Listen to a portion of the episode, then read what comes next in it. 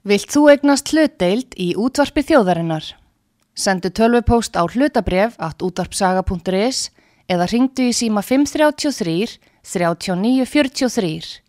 Útvarpsaga stendur vörð um tjáningafrelsið.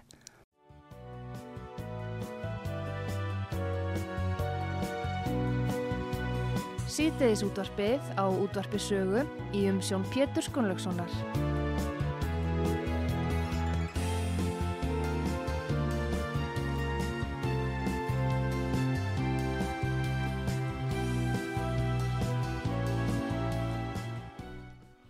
Góðir uh, hlustendur, þér að hlusta á útvarpssögu, sýteðis útvarpi, ég heiti Pétur Gunnlaugsson og gestur minn í þessum þætti verður uh, Vilhjálmur Birgisson, hann er formaður verkalýsfélags Akranes og starfsgreina sambandsins. Sæl og blessaði Vilhjálmur. Já, gott að blessaði Pétur.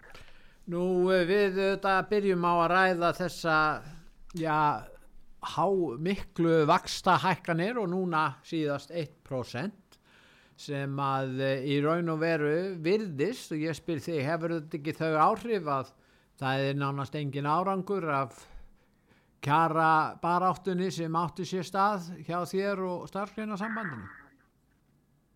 Jú, það er alveg ljóst að þessi framkoma Sælabankans í garð launafólk, í garð heimila og neytunda gerir það verkum að allur sá ávinningur sem við erum að reyna að stuðla af sem er í formið þess að reyna að auka ráðstöðun að tekja okkar félagsmanna með launahækunum. Sælabanki sér til þess að þurka þennan ávinning allan upp og í mörgum tilfellum Pétur og þetta eftir hefur honu tekist að gera miklu miklu meira til vegna þess að þeir sem að eru með hér uh, húsnæðislán á breytilögu vöxtum sem að eru eitthvað staðar, það eru þúsundur heimila sem eru með slíkt. Þar hefur greiðslubyrðin verið að aukast á linum missurum um jafnvel 200.000 krónur á mánuði. Já. Þannig að stafan er bara grav alvarleg og ég veit svo sem ekki á hvaða vegferð Sæðlabankir hér er og af hverju þetta ástand þurfi að vera svona og hvaða hagsmunum sé yfir höfuð verið að þjóna. En, Mitt mat á því, því Pétur er að það sé verið að þjóna fjármála elítinu hér á landi á Já. kostnað almenning, já, fjármála kerfinu. já. En uh, sko markmiði með uh, hérna vaksta hækkunum er auðvitað náttúrulega þeir sem eru fjármagseigandur njóta góðs af því, það er ekki nokkur af því, það getur engin mótmælt því. En markmiðið er líka, og kannski höfu markmiðið sem þeir kalla að lækka verðbólgu, er ekkit annað en að skapa samdrátt í efnahagskerfi samfélagsins. Og þegar að verður að bæta lífskjörin og, og lífsgæði þinna skjólstæðinga, þá tekst þeim bara með vaksta hækkunum og stjórnmálamærindi segjast ekkert bera ábyrð á því, þetta er bara seðlabankin sem notar sín tól og þessi leikur er náttúrulega fyrir neðan allar hellur og er, er ég meina siðferðislega ámælisvert hvernig staðið er að þessu. Algjörlega, ég menna, við skulum bara taka sem dæmi, Pétur, ég ætla bara þannig að, hlustundur átti fyrir til dæmis á stöðunni. Já, Þegar við gongum frá kjærasamningum núna 3. desember, að þá er áætlað að það kosti atvinnulífið á hennum almenna vinnumarkaði í kringum 74 miljardar kjærasamningandi sem við gerðum. Já. En frá því að við gengum frá kjærasamningi þá hafa stýrivextir sælabungar hækkað um 1,75% frá 3. desember. Já. Hvað kostar það fyrirtæki slík hækkun? Jú, það liggur fyrir að skanga takstofunir að skulda íslensk fyrirtæki 5.400 miljardar. Já. Þannig að ef að þessi vakstahækkun upp á 1,75% ber öll yfir á þann fjármaskostna sem að fy- fyrirtækin eru með, þá nefnur sá kostnaði 94 miljardum.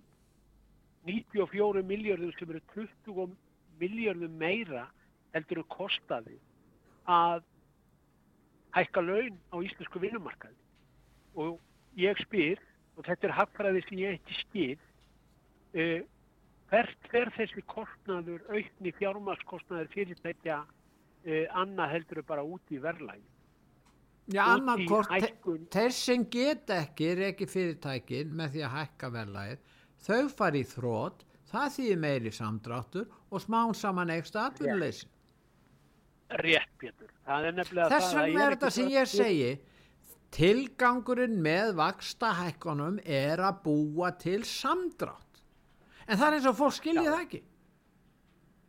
að vera að búa til, til samdrátt en á endanum lendir þetta mestum þunga á almenning. Á Þetta vinnandi fólki í landinu, bara segjum það reynd út. Á- Það er vinnandi fólki í landinu sem er látið greiða fyrir þetta alls. Töl- tölum bara íslensku, það er hárið þetta er bara vinnandi fólk sem þarf að líða fyrir þetta og ekki bara það Pétur, heldur er það líka oft þannig að það eru þeir sem að höllustu fæti standa í íslensku samfélagi sem verða fyrir barðun á þessu. Við skal útskýra það í örstutu máli. Núna er Sælabankin búin að þrýstja vöxtónu svo mikið að húsnæðismarkarinn er bort frosinn. Það kemst enginn inn á fastegnamarkaðin. Fyrstu kaupundur get ekki keft, þeir fari ekki gegnum greiðslumat og, og afborgarnir eru bara það háar að fólki getur ekki keft. Það á ekki fyrir útborgun og svo framvegis. Hvað gerist þá? Það sem að gerist er að, að fyrstu kaupundur unga fólki okkar, það þarf einhvers þar að búa. Og þegar eru auglýst íbúð til leigu, þá eru kannski 10-20 mann sem slóst um þá íbúð. Og hvað gerist?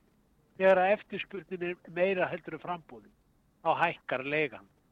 Þannig á endanum er það alltaf þeir sem að höllustu fæti standa sem fara hvað verst út úr þessu. Og það nákvæmlega sama er að gerast núna.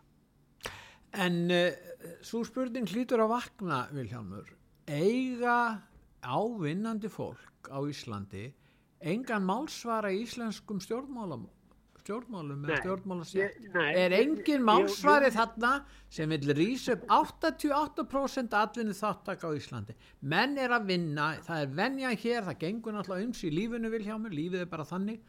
Og stundum gengur illa og þá reyna menn að vinna sig upp úr þeim vanda og menn leggja á svo íslýtingar hafa gert það, kannski breytist það í framtíðin, ég veit það ekki hafa gert það og, og vinna upp úr vandanum en þetta er niðurstaðan Þa, það virðist ekki vera skilning hjá stjórnmálumönnum að þetta er aflið í íslensku samfélagi sem heldur þessi þjóðfélagi gangandi Þetta, þetta, þetta er líka enn og afturbyrðu minn feitilega góðu pútur er. Ég hef oft spurt mig að þessari spurningu. Hvernig stendur á því, og veltu því fyrir því, Petur, hvernig stendur á því að alltaf þegar þú ert í stjórnar anstöðu, þá ertu með hinnar ymsu lausnir um hvað hægt er að gera og hvernig er þetta að koma þessum til hjálpar og, og, og, og hvernig er þetta að auka fjármagn þarna og hvernig er þetta að breyta lögum og regluverkum þannig að það komi fólkinu til, til góða. En hvað gerist þegar þetta sama fólk kemst síðan til valda? Þá kemur bara ný plata fón. Þá er ekkert hægt að gera. Þannig hefur þetta verið. Við getum bara rifjað upp hrunið. Hverjir, hvaða stjórnmálaflokkar voru hér í hruninu?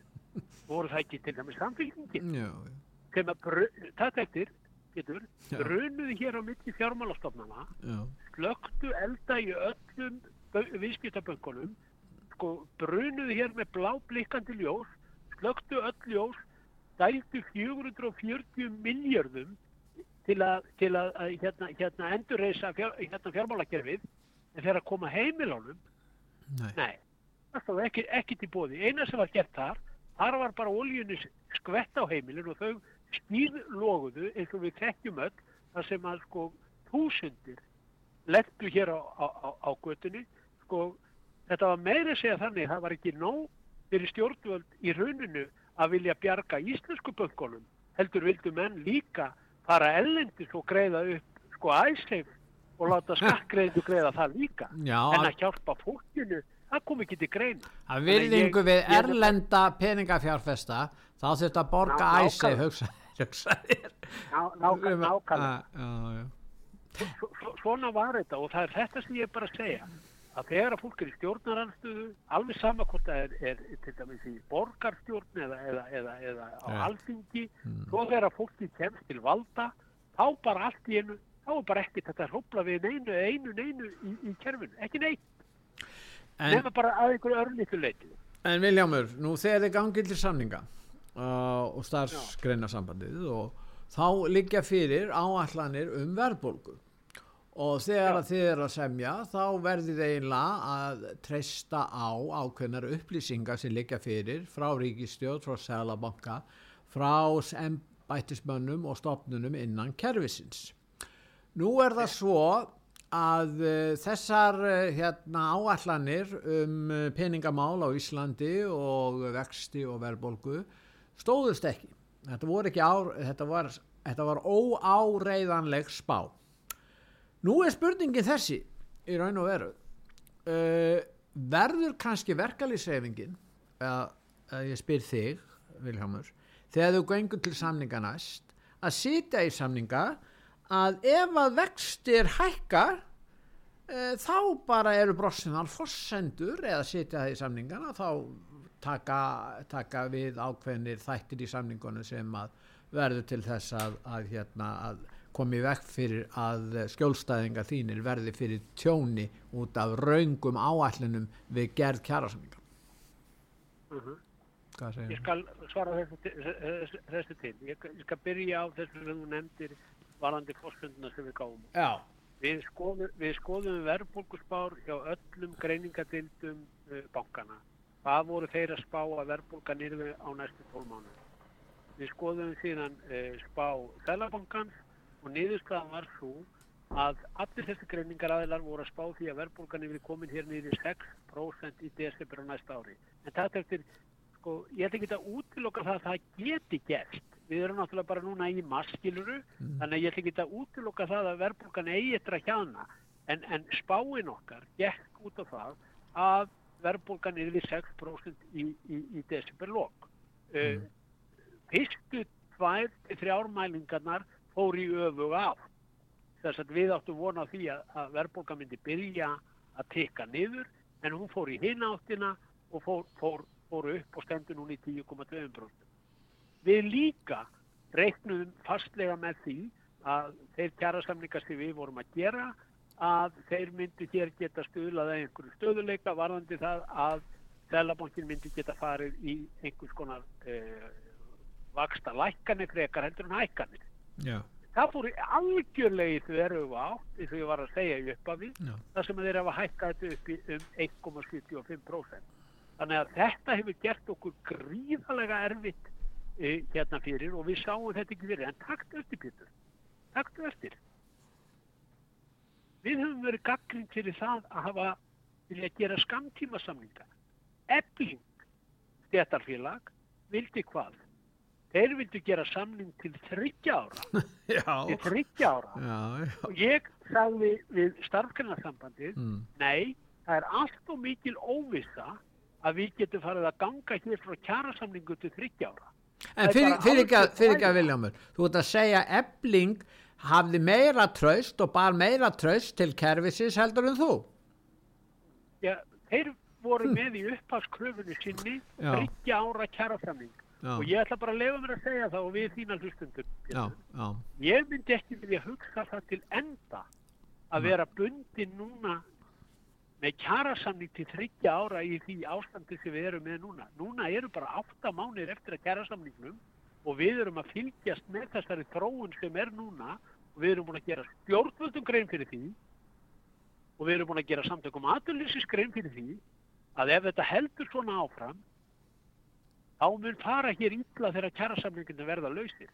En ef við hefðum verið bundir í þrjú ár með kjærasamning að hefði ég ekki vilja ég hefði ekki vilja verið þeirri stöðu núna.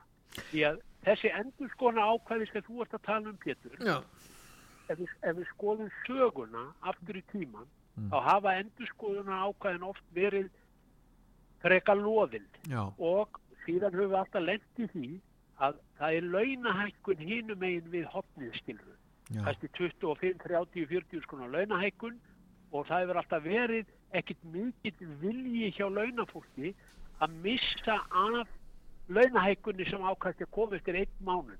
Ef við segjum upp samningum þá er, þýðir það líka það að launahækkunin kemur ekki. Þannig að ég hef verið að hugsa hvernig getum við gert þetta öðruvísi. já, Þannig að, að fólki misti ekki launahækkunna. og ég segja þér hvað, hvað, hvað væri hægt að gera það væri hægt að gera það þannig já, að ef að verðbólka fer upp fyrir eitthvað ákveði mark já, þá þýttu atvinnureikundur bara bæta launafólki það með hærri launahækkun heldur en ella sem á að koma. Já, það, það, system þyrft að teikna upp og gera þá setjum við líka pressu á verslun og þjónustu og aðra aðila. Ef við ætla að varpa öll út í verðlægið þá mun það bara þýða það að þið þurfið að koma með herri launahækkun.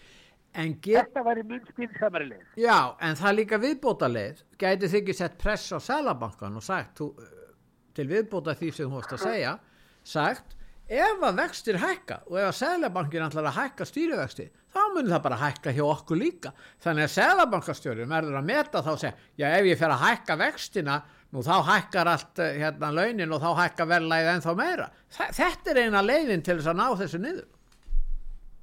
Kjarasamningunum- já, Eh, Pétur, í, í, í kjærasamningunum 2019, Já. lífskjærasamningunum, þá var svo kallar leini plagg, ég ætla bara að segja þér núna hlustuðu þínum frá því, það var leini plagg sem við máttum ekki hafa inn í samningnum. Nei, sem við gerðum í samtökum aðurlýsið já, að ef að stýrivextir myndu ekki lækka niður á tveimur árum um 1,5% minni með að hafi verið já. þá gáttum við sagt upp samningnum. Er það núna líka við ennþá? gáttum við að, Er leinisamningu núna líka? nei, nei það, að, að, það er ekki leinisamningu núna vegna þess að því að samningurinn er svo stuttur. Já, en þið verðið vorum að gera svona samning.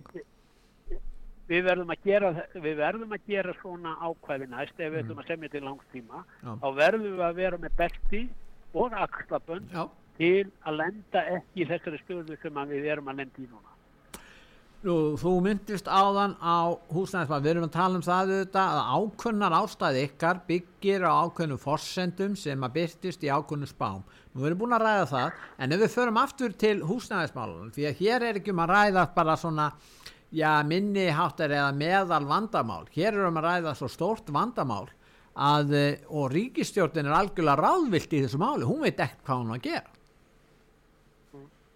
rétt og þetta er nefnilega líka aftur í þetta góða punktur. Og í samlingunum 2019 þá var skipar alveg rísastór hópur um húsnæðismál.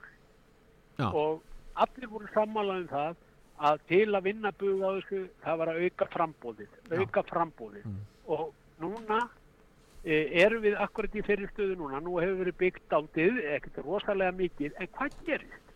Þá kemur sælabanki núna og hækkar vextina það mikið að það kemst enginn út á húsnæðismarkaðin vegna þess að það, er- það, það er sko, eh, sko húsnæðið er búið að hækka svo mikið greiðslumatið er orðið svo erfitt og, og þá bara bótt frís markaðurinn en hvað mun síðan gerast? Þá, það sem mun gerast núna er að verktakar sem er að byggja íbúðunar þeir mun að halda það sér höndum núna vegna þess að þeir ná ekki að selja þær byggingar sem þeir eru að, er að ganga frá. Já, síðan slaknar á þá verður aftur mjög mikil eftirspurn. Allir stökkva á þar eignir sem, sem að verða. Verðið þeir upp aftur. Uh, verktakarnir byrja aftur að by- að byggja en það, það vantar meira frambóð svona gengur þetta ár eftir ár eftir ár þar sem að við erum svona eins og hundur sem er að enda skottið á sjálfum sér þess vegna þurfum við að koma á kerfi eins og er í þeim löndum sem við erum að bera okkur saman við þar sem að fólk getur tekið 30, uh, getur tekið húsnæðislán á viðræðunum sko óvertröðum vöxtum, þetta er mjög algjörn 24% á föstum vöxtum til 30 ára með fyrirsjáanleika. Þa, það, þetta er hægt í öllum löndunum sem við erum að bera okkur saman við Danmörku, Noregi, Finnlandi, Svíþjóð, allstaðar endur í stýrivextinni í Svíþjóð í dag 3% En þú veist hvað þeir Danmörku- segja, þú veist hvað þeir segja, vel, þeir segja lífeyrissjóðnir vilja hafa verðtryggingu. Já, Síðan höfum já, við verðbólgu hérna dansinn hér á Íslandi.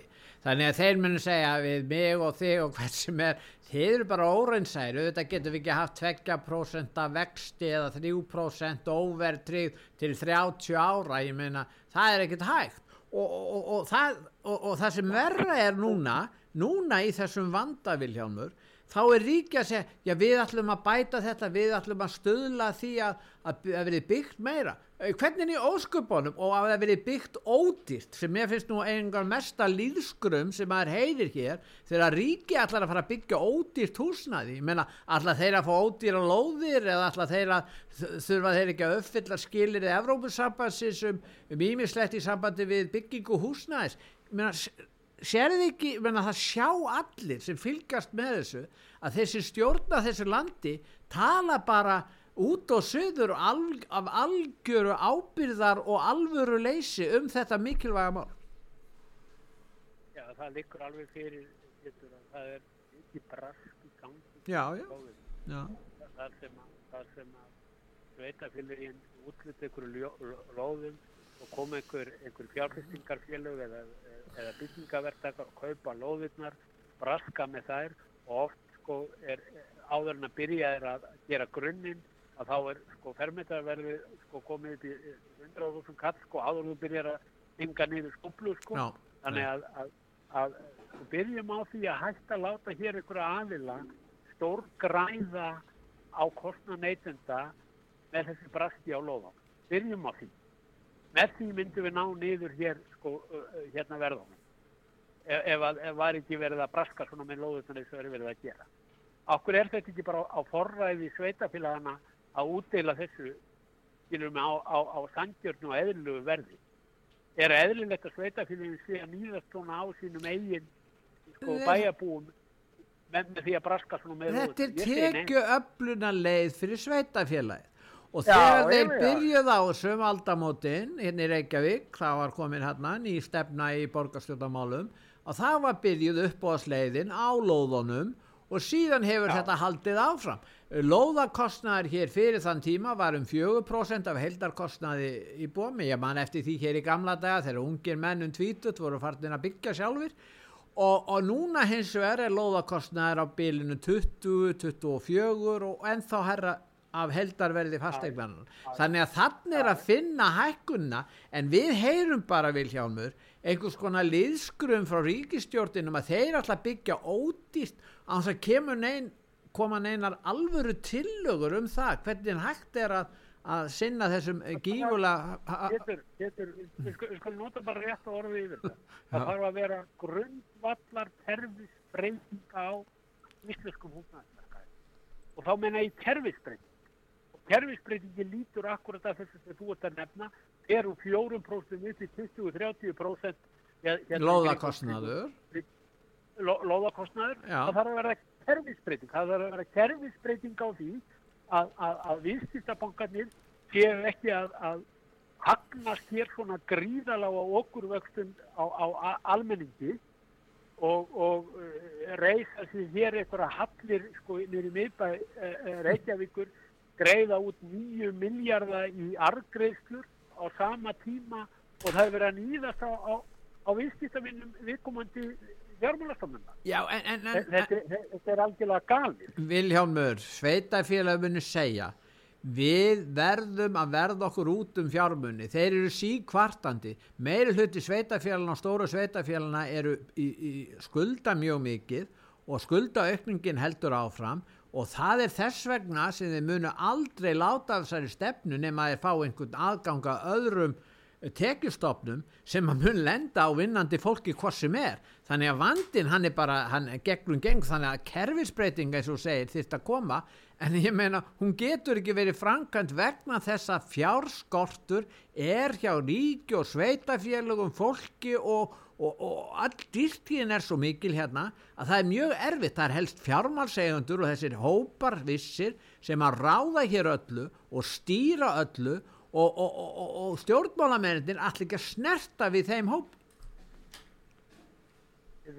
Málið er náttúrulega bara einfalt. Hvernig bátnið hefur blásið út? Rétt, Bátnið hefur blásið Rétt. út og það er rosalega auðvegt að eigða peningum sem þú í raun að vera átt ekki sjálfur. Og, og, og það er algjörlega ljóst í mínum huga. Bæði ringi og sveitafjölum þau þurfa að gæta mun meira aðhald varðandi sko, þá fjármunni sem skattgreðindur skaffa þeim á hverjum tíma fyrir sig. Það er rosalega auðvelt að reysa hverja byggingun og fætur annari, fjölga ofinböru starfsmönnum alveg gríðarlega og, og, og, og, og svo framvegis það þarf að nýða sér stakk eftir vext. Þetta er bara nákvæmlega sama og með heimilisbókaldi á fólki.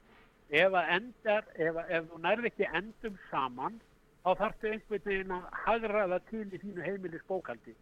Eins og ég Reykjavíkuborg 15 miljardar í mínus. Og takk eftir því að það er að koma fólk inn í félagsstjónustu Reykjavíkuborgar, fólk sem lendir í fjárasvandræðum og, og þetta er svona hálf kaltænislegt og á sama tíma og þeir sem eru sko, í mestu skuldasetningunni og skuldaorði mest, það er Reykjavíkuborg sjálf og, og reynda fjölmörg önnur sveitafélög. Það er erfitt fyrir þetta fólk að vera, ráð, að vera ráðleggja einhverju fólki sem er í fjárháslegum vandræðum sko hvernig það er að leysa úr sínum málum þegar þau eru sjálf öll með allt niður sig. Það er fyrst og fremst vegna þess það er bara farið illa með skatt í almenning og það er svo mikilvægt að fólk horfi á launastegningi og sjáu þær uppdæðir sem er verið að draga af þeim í skatta og hugsa sér sko að fólk skul ekki láta það meira til sín taka að, að þeir fjármunni sem að er, er teknir aður í skatta það er bara verið að sólenda þessu út og suður.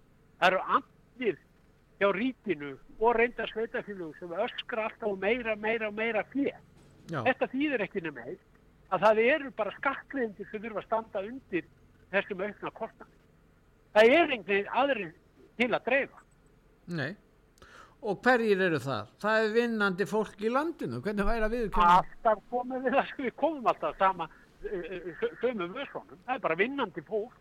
Þess vegna segir ég það að við sem skattgreðendur við erum alltaf lín í því að veita stjórnmálamönnum aðhald. Veita bæjarfulltrúum líka aðhald. Það eru forgámsverkefni perði sveitafélagi fyrir sig og, og, og, og gaggrína þegar er verið að fjár, þegar að ríkið eða sveitafélagi eru að fjárfesta í ykkur eða, eða gera ykkur að byggingar sem eru kannski ekki alveg bráðnauðsilega. Það sem er bráðnauðsilegt er náttúrulega le, e, leikskólanir, það er heilbríðisjónustan okkar, almannatryggingakerfið og svo, svo framvegis. En einhver gæluverkefni sem að einstakar ráþerar í ykkur ákunni kjördæmum koma kannski gegn, þeir kosta kannski skakkriðendur miljard og jafnvel miljard að tíu, þetta er algjörlega galið. En, uh. En, en Vilhjámur, það er ekki stjórnmá, stjórnmálamennin sem þurfa aðhald. Fjölminnar á Íslandi hafa algjörlega bröðist í þessu máli. Og ég tala nú hérna við frá þessum fjölminni en það hefur bara átt sér stað í okkar samfélagi einhvers konar kervis heilaþvottur sem hefur átt sér stað.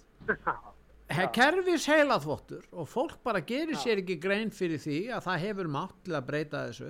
En síðan hefur við fjölmiðlana og þar er fremst í flokki fremst í flokkur fjölmiðla, fjölmiðla fyrirtæki það er auðvitað rúf.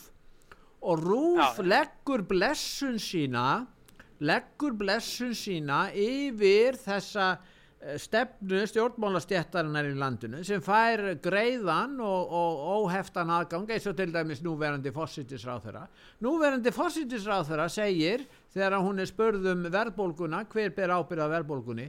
Hún er innflutt, segir fósittisráþurran þetta er innflutt ríkistjórnin ber enga ábyrð á verðbólgunni. Ríkistjórnin ber enga ábyrð á verðbólgunni þrátt fyrir að það hefur verið reknað út af 53% af verðbólgunni bara í janúar. Hún var vegna verðbólgu hækkunar frá þjónustu uh, hins ofinbera sem var að hækka. Gjaldskvar, gjaldskvar hækkunum hins ofinbera það var 53% Já, að þeirri verðbólgu sem var í, í janúar var vegna gjaldskrar hækkan það er ég Já. Já. þetta er rosalegt. Ég bara tekið undir þetta með þér að það eru allir það, það, það, sko, ábyrðin er alltaf varpað yfir á launafólk. Það eru kjara samningar sem valda þessu en svo aðrir aðilar sem að eins og til dæmis ríki og sveitafélug sem að hækka um hverju einustu áram og alla gjaldskrár hjá sér e, þeir bera enga ábyrð þetta, þetta ber alltaf að sama brunni. Þannig hefur þetta alltaf verið og þetta verður alltaf svona og það sem að gerist líka er það að það er ekkit land í heiminum sem er svona gegnum síft af verðtryggingu eins og við. Já. Það sem að allar hækkanir taka bara mið af því hver verðbólgan var á síðustu tól mánuðum. Svo stílur fólk ekkert í því að þegar að gjaldskrár hækkaði það sama og verðbólgan var á, á, á, á, á síðustu tólf mánuð hækkar og jafn mikið, okkur verðbólgan lækkar ekki. Það er vegna þess að verðbólgan hún fóðra sig sjálf. Já. Allir þjónustu samningar til dæmis eins og hjá, hjá bókastjónustum, leigusamningar hjá, hjá, hjá leyendum og svo framvegst. Þetta er allt verðkrið. Þið gerir það að verkum að við erum alltaf að gefa verðbólgu drögnum að geta um hver einustu mánaðan. Til, að ná tökum á þessu þá þarf að slíta þetta samhengi. Við þurfum að hætta að fóðra verðbólguna sjálf með því að segja að þarf alltaf að hækka til samræmis við eh, verðbólgu síðustu 12 mánaða.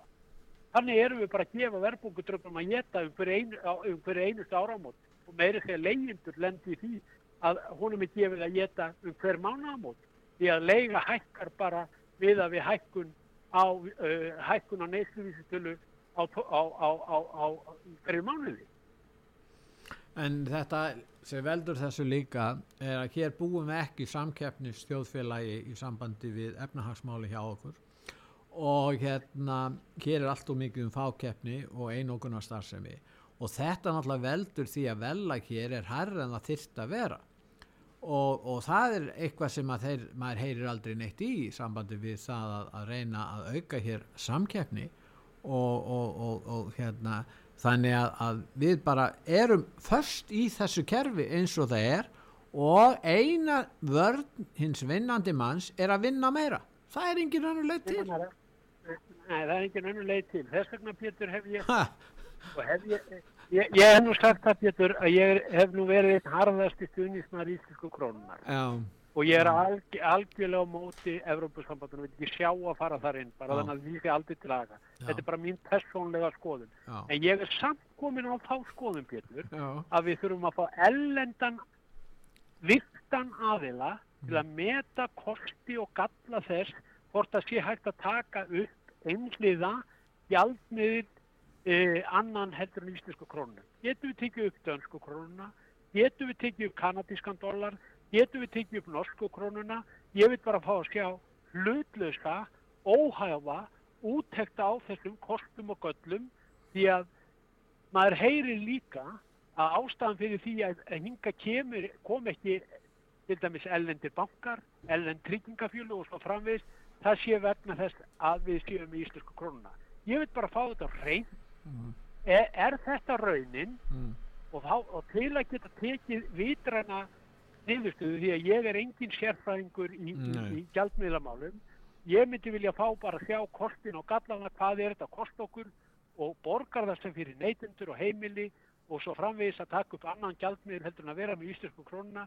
Ég vil að vera ekki úttækt á þessu og þá kemur bara í ljós svart og hvítu ef þetta er hlutlus erlendur aðili því að takta eftir við finnum engan á Íslandi sem er hlutlus nei, allra síst Sæðlabankan já, að láta Sæðlabankan þegja okkur hvort að uh, þessi kostir þess að vera með íslöku krónu eða annan gjaldmið ég gef ekkert fyrir það vegna þess að tilvist Sæðlabankast er byggð á grunni þess að við séum með sjálfstæðan gjaldmið en það koma Viljámur, tveir gjaldmiðlar eh, til greina þær verða að vera stærstu gjaldmiðlarnir annars munni það ekki nýtast okkur. Og það er annars vegar erum að tala um evruna og við verðum að gerast aðilar að Evrópusambandinu og Sælabankin í Frankfurt verður að samþykja okkur. Það eru ríki búin að vera í Evrópusambandinu mjög lengi og hafa, hafa sóst eftir að fá evru og hafa ekki fengið hana Þannig að það er langt ferli. Hinn leiðin er að taka upp dólar. Það eru 28 ríki sem hafa tekið upp dólar. Mörg þeir eru lítil ríki, flest er að vantala.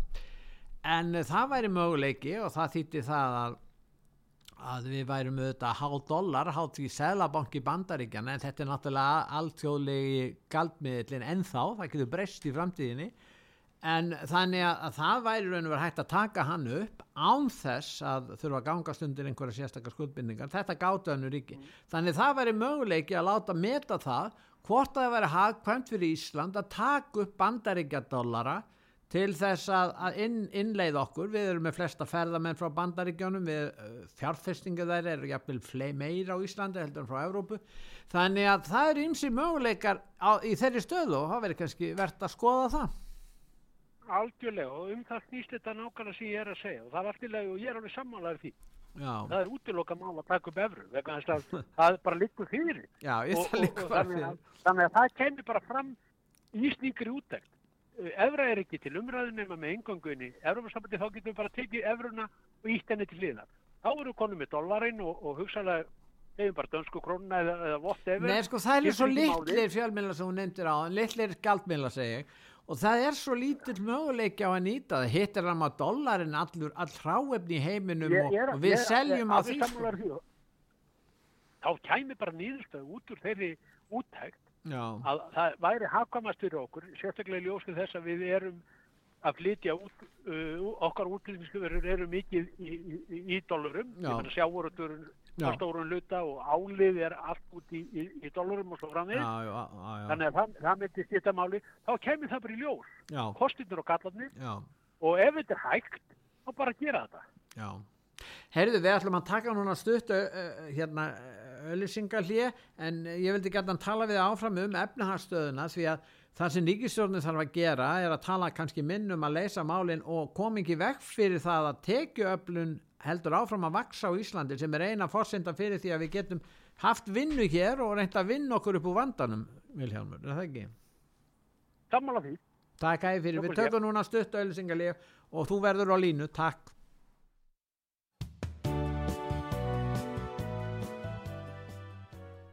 Góðir eh, hlustendur, þið er að hlusta á útvart sögur, ég heiti Pétur Gunnlaugsson og ég er að ræða við hann Vilhján Birgisson, formann verkalýsfélags Akranes og starfsgreina sambandsins.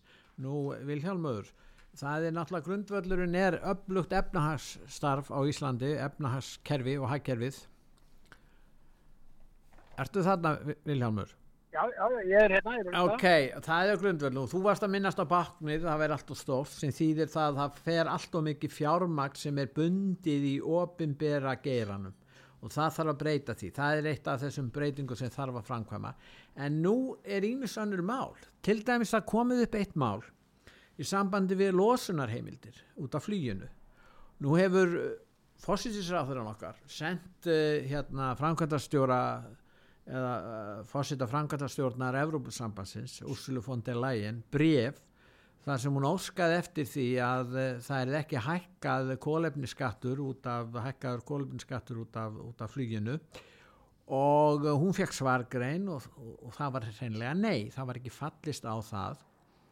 Nú uh, hérna, þá vaknar þessi spurning, af hverju óskupunum voru íslenski stjórnmálamenn og embættismenn að skrifa undir skuldbindingar varðandi þennan kólefniskatt til að byrja með? Þetta er risastór spurning og ég var náttúrulega að segja alveg eins og er að við sem búum hér á þessari eigu við erum kannski me meira háð flugstangungum heldur um margar aðra þjóðir Já. til að fá til okkar ferðamenn. Já, Við stöndum fram með því núna að í ár er spáð að það muni koma 2,3 miljónir ferðamanna til landsins. já, Þannig að ef að menn meina eitthvað með því að skrifa undir eh, slíkar skuldbindingar á eitt aldrei svona aldrei svona grátt broslegt í raun og veru að koma síðan skömmu síðar og byggja um uh, afslátt, afslátt. Já, afslátt. Ég, mér, mér, mér finnst það mjög undarlegt því að það er náttúrulega þannig við, við búum við þessa sérstöðu að við erum hér eiga í norður uh, allasafi þar sem að uh, allir til okkar vilja koma eh, þeir þurfa í 99% tilfella að koma hér uh, í, í, með flugsamgöngum. Þannig að það er alltaf sérstaða sem við erum með þarna þótt að vissulega fáum við líka ferðamenni gegnum, gegnum Norrænu, en, við- það er ekki minni mengu það. En, en við Vilhjálmur erum að skrifa undir Parísasamkomulægið og græna samninga með bros og vör og verið að taka myndir af fólki. En við Já, erum já, allir sérstakri stöðu þess vegna er svo erfitt að gangi í Európusambandi þetta er bara eitt skýrt dæmi um það. Og í staðin fyrir það við erum fullvalda ríki og stjórnmálamenn ætti að vita það þegar það lesa stjórnarskrána í þeim efnum og gera sér grein fyrir því að það þarf að hugsa um íslenska hagsmuni en ekki að vera óttaslegin um að þeir fá einhverjar ákúrur frá Evrópu eða skrifingjöndi hvað sem er sem þeir vilja. Annað. Og, og við Leik- getum leik- gert já, þetta við get, en við gerum það ekki. Og nú er komið að skulda dögum varðandi grænu skattana varðandi grænu stefnuna. Við vitum ekkert hvað býður okkar. Og ef við erum að tala um 10-10 miljardar, ef við erum að tala um sko ofan á allt annað sem við vitum hvernig í óskupunum og hver verður látin borga þetta allt saman? Jú, hinn vinnandi maður, hann þarf bara að vinna meira. Ekkert öðru vísi Já, og takk þetta er einu Pétur. Það er engin þjóð í heiminum sem að er með eins græna uh, hérna uh, græna hér uh, Orku, uh, já, stefnu já. orku eins og við Íslendingar. Já. Við erum með 99% af öllu okkar rafmagni í gegnum, uh, gegnum hérna fallvötnin. Já. Við erum, fyndum húsin okkar með heitu vatni. Mm. Horfðu á þessi lönd í Evrópu sem hafa nú verið að kaupa uh, skýtuga olju frá, frá, frá, frá rúsum uh, og, og, og, og öðrum þjóðum og kynna sína, uh, sín hús upp með, með, með olju. Því er ekki til að dreifa hér. Við erum alveg sko nummer eitt hvað þessi mál varðar á heimsvísu. Alveg á heimsvísu erum við þarna nummer eitt og ég er alveg sammálaður því að hættan á uh, þessu sem að tengist Evrópusambandinu uh, sko og, og innleiðing þeirra regna sem þaðan koma geta verið bara okkur líku stór hættuleg. Það nægi nú að nefna bara orkupakkana. Uh, sko ef að það yrði nú einhver tíman með þeim hætti að við myndum fara að tengjast hér raforkumarkaðinum út í Evrópu þá myndi hér sem sko, þeir alltaf gera sem þeir alltaf gera, Vilhelmur það, það, það, er, er stefnan það er stefnan, við vitum það alveg hvenar það verður en það er alveg ljóst að leið og við erum búin að tengjast Evrópu þá munum við fara inn í þessa ringiðju inn í þessa ringiðju sem að tengjist því ávorkuverði sem er á, á, á í Evrópu sem að myndi hér tvöfalda, þrefalda eða fjórfalda hér rávorkukostnað sko heimilana við hefum að nýta okkar orkupétur til þess að láta okkur líða vel. Við hefum að nota hana hér til þess að skapa hér uh, atvinni handa okkar fólki og, og svo framvegis. Ég heyrði rauk til dæmis frá fórstjóra landsfyrkjuna fyrir nokkrum árum þar sem hann var að tala um það. Það væri nú alveg hægt að selja orkuna sko erlendis og, og fá miklu miklu herra verð fyrir hana. Ég segi það bara líka á móti Pétur eigum við þá ekki að bara bjóða upp allar aflaheimildir okkar á borði í Európusambandin og segja bara við hverji bjóða hægsta verði já, og hleypa síðan hér einhverjum ellendum uh, fi- fiskiflota til að veiða hjá okkur fiskin þetta, þetta er jafn vittlust já, já. Við þurfum atvinnu handa okkar fólki og við höfum að nýta okkar auðlindir okkur til tekna. En við höfum þessa orku og við getum bara reist hér vesmiðjur með gerfi greindar stjórnun þannig við þurfum ekki mjög mikið vinna já, vísur þar mikla, mikla vinnu við þetta samt en, en þannig að við þurfum ekkert að flytja en vinna fyrir það. Við höfum gífulega möguleika að nýta þannig orkuna og fá þá hátt verð fyrir hann í gegnum framlýsluna sem við seljum algjörlega og skapa fólkinu okkar vinnu og þá, þá koma Rétt. útfastekjur og raunverulega inn til sveitafélag og svo allt og, og ekki bara það, ég hef sagt það áður ef ég tek stóriðuna sem dæmi sem að hafa nú gert það að verkum núna að, að landsfyrkjun er að verða skuldlaus það er það er búið að borga upp káranjúkavirkjun og, og, og hverjir hafa borgað upp káranjúkavirkjun jú, það er alkoa fyrir austan sem, sem nýtir hérna orkuna. Þeir eru búin að borga hana upp og núna streymir fjö inn til landsfyrkjunar argreyslu til ríkisjóð eina sem við þurfum að tryggja Pétur er það að sjálfstæðarflokkurinn komist síðan ekki upp með það að segja er við nú þurfum við að enga það nú, skulum við, selja þetta og fá einhverja nokkra krónur og nota því eitthvað. Það má aldrei gera að þessum, þessum auðlindum okkar verði komið í hendur engaðila og ef við ætlum að fara hér út í vindorku að það líka passa það að það verði ekki hér einhverju erlendri auðkýfingar eða einhverjir einstaklingar sem geti, geti reist það. Þetta á að vera á hendur ríkisins, arðurinn á að renna til e, íslensku þjóðarinn. alveg eins og að gerist með landsvirkjun landsvirkjun er að leggja Algjörlega. 10 miljardar í ríkissjóð í arð Gull gæsin okkar íslendinga í dag já, er landsvirkjun. já, og hún, hún var landsvirkjun og þetta þetta betur. Af hverju var landsvirkjun stopnuð hún var stopnuð vegna þess þegar álverði strömsvík var reist. Já, þá var landsvirkjun stopnuð mm, síðan hafa þessi fyrirtæki álfyrirtækin sem hafa heilt þessa miklu orku og gert það að verkum að við erum búin að byggja upp allar þessar virkjanir við erum búin að e, byggja öll þessi tengivirkju upp í kringum stóriðuna sem að síðan hefur tekið þátt í að greiða niður skuldir landsvirkjunar svo liggja þessi fyrirtæki undir ámæli. Já, ámæli.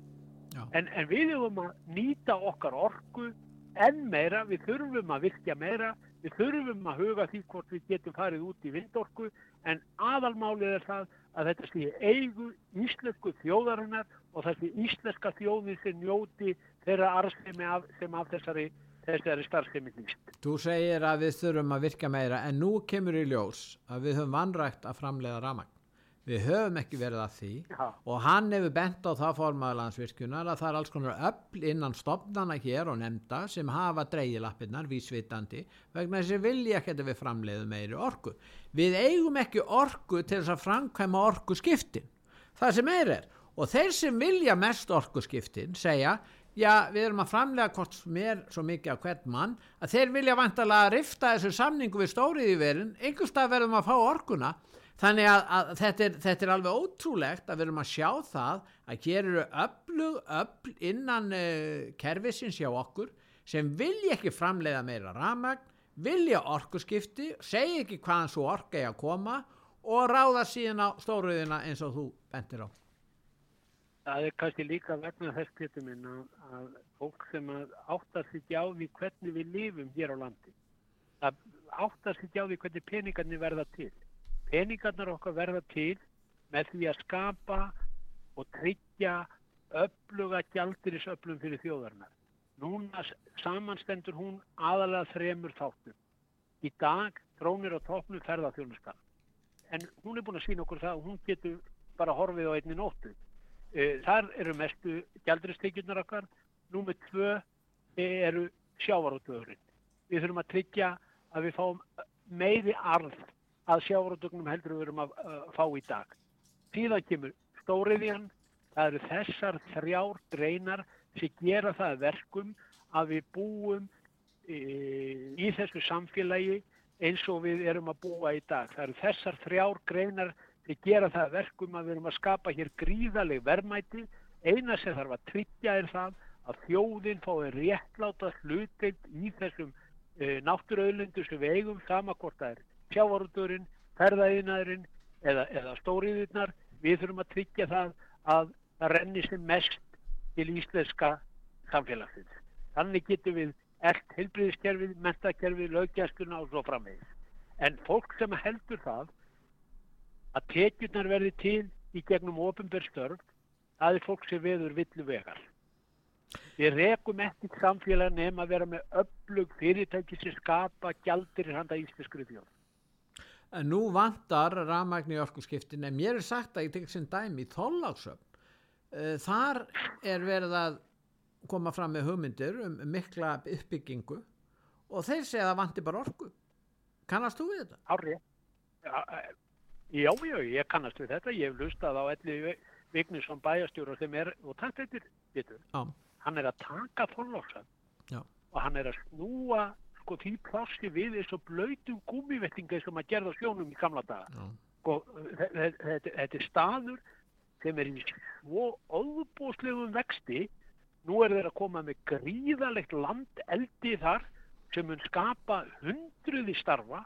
Þeir eru með hérna, útflutning í, í gegnum Snirland, hérna, hérna skipið Já, sem að kemur þar orðið tvisar í viku eða eitthvað. Já. Það er gríðalegu vöxtur í þólasveit og, og, og þannig er að skapast gríðalegar útlendingstekjur handa íslenskri þjóð en það er rétt.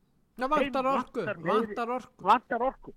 Það vantar orku og það er með ólíkindum að, að, að, að, að vera búin að horfa upp á alþingi góna á ramma áallunna ár eftir ár eftir ár, rífast um sömu hlutina og svo stöndum við frammi fyrir því að uh, við erum nánast að byrja hann Þetta er galið.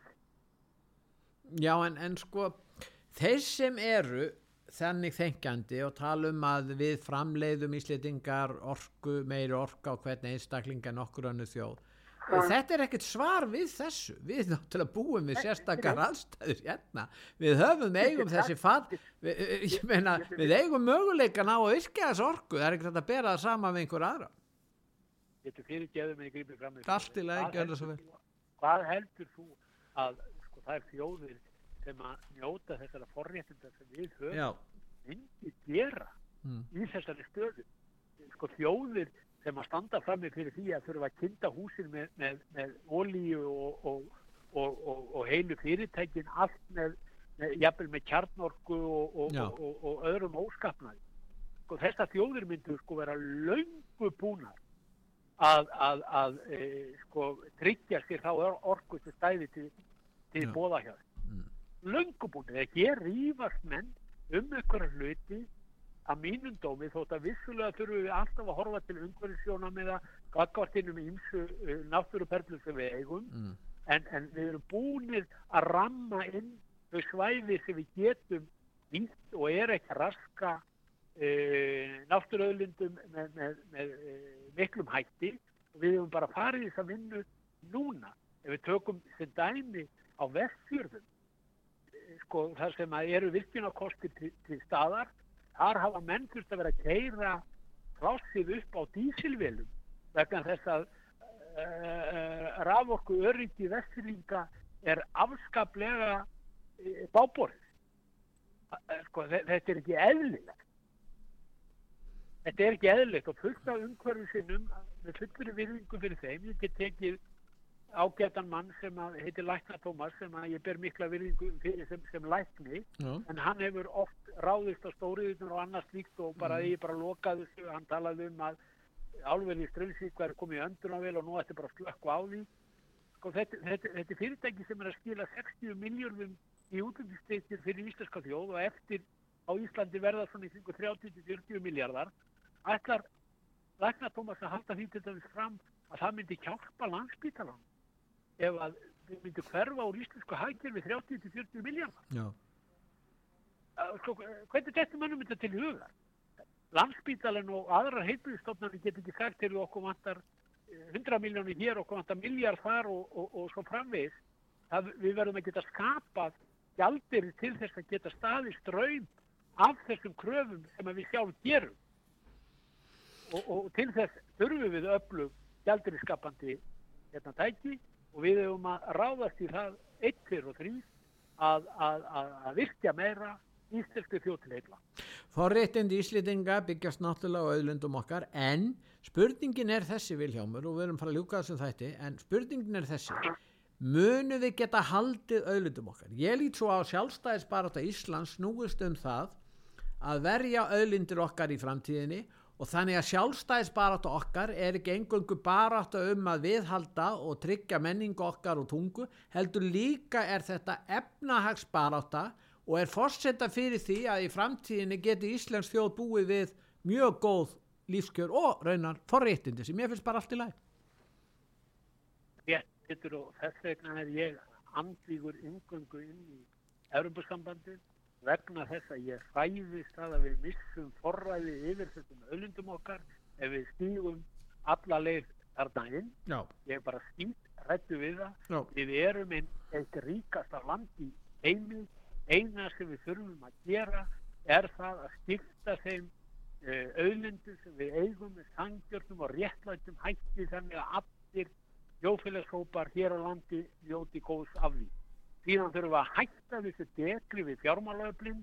Við þurfum að, hætta að fóðra uh, viðskiptabankana með okurvöxtum og verðtrýtingu og, og þetta eru kerfisbreytingar sem þurfum að ráðast í og ef við förum í það í, í, í það þá þarf enginn að mínum dómi að líða skort á Ísland.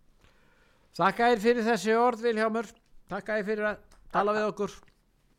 Takk vinnur, takk takk. Blessaður og ég þakka hlustendum út var sögu fyrir að hlusta. Verðið sæl.